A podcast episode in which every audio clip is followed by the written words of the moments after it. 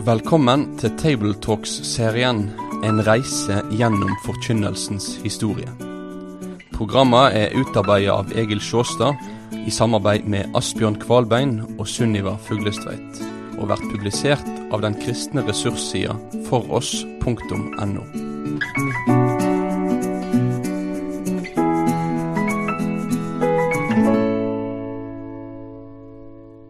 Ja, velkommen igjen til fortsettelsen på reisen gjennom forkynnelsens historie. Vi er fortsatt ennå i Det nye testamentet, men neste gang vil vi gjøre et sprang inn i kirkehistorien. Vi kan nemlig ikke gå dit før vi har tatt fram apostel, noe av apostlenes forkynnelse. Så på denne stasjonen er det der vi havner, og da blir det apostlenes gjerninger. De tolv disiplene hadde prøvd seg som forkynnere allerede i den tida de var sammen med Jesus, før påsken. De skulle forkynne at Guds rike nå var nær i Jesus, og at han kom med den nye frelsestida. Den var altså knytta til Jesus. Men først på pinsedag trådte de fram som apostler, og det med stor frimodighet. Sjøl om apostelbegrepet innebærer mer enn begrepet forkynner, og plasserer apostlene som kirkens læremessige autoriteter, så kan vi lære mye av dem som forkynnere. Peters tale på pinsedag ble en intro til deres forkynnergjerning. Målgruppa deres var den dagen jøder, selv om mange av disse jødene var pilegrimer på festreise til Jerusalem. De hadde ikke apostlenes språk som morsmål, men lokale språk fra hele Romerriket. At de hørte dem tale på sine egne språk, om Guds store gjerninger, det er derfor et signal om at evangeliet om Guds store gjerninger nettopp ikke skulle stanse i Israel. De ble etter hvert leda til ikke-jøder, i Det nye testamentet kalt hedninger. Igjen til disse menneskene mennesker fra andre etniske folkegrupper enn Israel. I Lukas sin levende beskrivelse av den første kristentida så ser vi at evangeliet krysser disse etniske grensene. Ja, det krysser språkgrenser, geografiske grenser, kulturgrenser, sosiale grenser, og det krysser i en forstand også religiøse grenser. Det vil vi som forkynner evangeliet i dialog med mennesker som har helt andre trosforestillinger enn det jødene hadde, det bør vi lytte til. For disse lytta til apostlene, vi finner kontaktpunkter, de nikka med tilslutning til enkelte trekk i hedningenes etikk og filosofi, men de presenterer alltid et kall til å bryte opp og ta imot evangeliet. Mm. Og jeg syns det er veldig interessant det du nevner her, Egil, med at de lytter, de finner kontaktpunktet. Eh, fordi at vi lever jo i dag i en tid der eh, alle vil snakke, og alle vil bli hørt, men få er villige til å lytte. Og jeg tror at som forkynnere, og som kristne som ønsker å dele evangeliet og vise eh, dets relevans da, inn i vår tid, så tror jeg det er viktig for oss å lytte til menneskets historie, og hva som opptar dem, og som rører dem. Um, Paulus kan nesten, um, i en tekst vi skal lese seinere, se hvordan han nærmest studerte på en måte falske guder, sånn at han kunne forkynne den sanne Gud. Um, hva er de falske gudene i dag? Hva er det som mennesket tilber, som de syns er viktig, som opptar dem? Og på hvilken måte differensierer det seg fra Bibelens budskap, som setter mennesket fri, da? Og jeg tror at det er en, et aspekt med det å formidle evangeliet, og det er å bare snakke med noen på gata om tro, at en, en lytter til disse historiene og hvilke ting snakker de alltid om, og hvilke ting snakker de aldri om. Mm. Mm.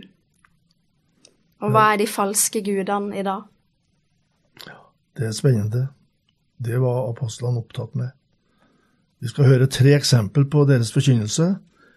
I de to første er tilhørerne enten jøder eller folk som står jødedommen helt nær. Det som Lukas gjengir av talene før de utdragene vi nå skal høre, det er referanser til Guds historie med Israel. Og disse gjør i stor grad som martyren Stefanus gjorde. de, den lange talen Stefanus hadde, det var også sånn at han viste tilbake til frelseshistorien i Det gamle testamentet, og at Jesus var klimaks, og det tålte de ikke, derfor ble han martyr. Den første talen vi skal høre ifra, det er ifra storstua til en ikke-jødisk offiser, Kornelius, som altså var sterkt prega av jødedommen. Og det er en tale Peter holder i stua hans. Da leser vi fra Apostlene kapittel 10 vers 37. Det, altså evangelieforkynnelsen, hadde sin begynnelse fra Galilea etter den dåpen som Johannes forkynte, og taler om at Gud salvet Jesus fra Nasaret, Den hellige ånd og kraft, han som gikk omkring og gjorde vel og helbredet alle dem som var underkuet av djevelen, fordi Gud var med ham. Vi har vitnet om at alt det han gjorde både i jødenes land og i Jerusalem, han som de drepte ved å henge ham på et tre. Ham reiste Gud opp på den tredje dagen og lot dem tre synlig fram, ikke for hele folket, men for de vitnene som forut var utvalgt av Gud for oss, vi som åt og drakk sammen med han etter at han var stått opp fra de døde. Han bød oss å forkynne for folket og vitne at han er den som Gud har satt til å være dommer over levende og døde. Ham gir alle profetene det vitnesbyrd at hver den som tror på Han, får syndenes forlatelse ved Hans navn. Det andre er utdrag av en tale Paulus holdt i en synagoge under sin første misjonsreise, altså for jøder i utlendighet i Antiokia i Pisidia, leser vi om det. Og der ser vi altså likhetstrekk, sterke likhetstrekk med Peters tale hos Kornelius. Apostelgjerningene 13 fra vers 29. Da de hadde fullbyrdet alt som er skrevet om ham, tok de ham ned av treet og la ham i en grav. Men Gud reiste han opp fra de døde i flere dager viste han seg for dem som var dratt opp med han fra Galilea til Jerusalem, de som nå er hans vitner for folket. Og vi forkynner dere evangeliet om det løftet som ble gitt til fedrene. Dette har Gud oppfylt for oss, deres barn, da han reiste Jesus opp. Slik står det jo skrevet i de andre salmene, Du er min sønn, jeg har født deg i dag. Men at han reiste han opp fra de døde, så han ikke mer skal vende tilbake til tilintetgjørelsen, det har han sagt slik. Jeg vil gi dere de hellige løfter til David, de trofaste. Derfor sier han også på et annet sted, du skal ikke overgi din hellige til å se tilintetgjørelsen. For David sov, for David sov inn etter at han i sin levende tid hadde tjent Guds råd. Han ble samlet, samlet til sine fedre og så til tilintetgjørelsen. Men han som Gud reiste opp han så ikke tilintetgjørelse. Derfor skal dere vite, brødre, at ved ham forkynnes syndens forlatelse for dere, og fra alt det som dere ikke kunne rettferdiggjøres fra ved Moselov, rettferdiggjøres dere i ham, rettferdiggjøres i ham enhver som tror. Ja, slutten blir veldig lik Peters avslutning på si preke. Det tredje eksempelet er fra Areopagos i Aten der at Paulus taler til hedenske filosofer og nysgjerrige. De kjente ikke GT. Likevel er den gammeltestamentlige skapelsesteologien framtredende i forkynnelsen hans. Vi leser fra apostelgjerningene 17, vers 28. Atenske menn, jeg ser at dere på alle måter er meget religiøse.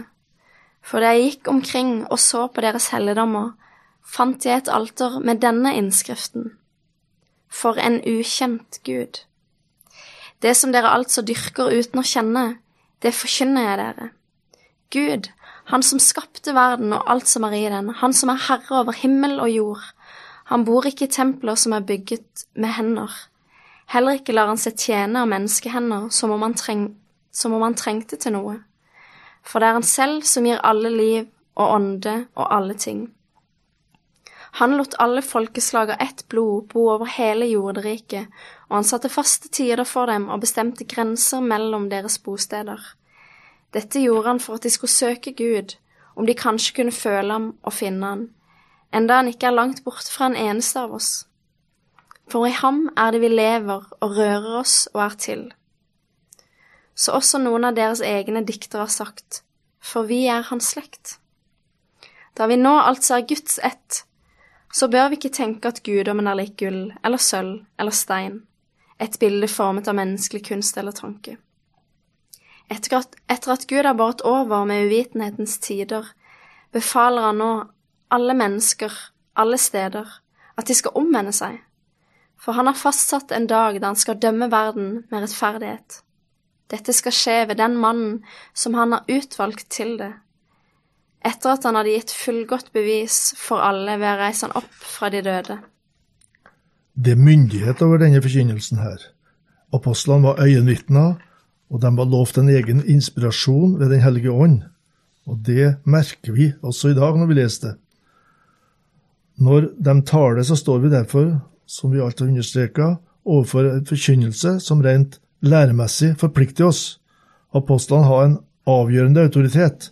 Det skjønte de første kristne helt fra begynnelsen.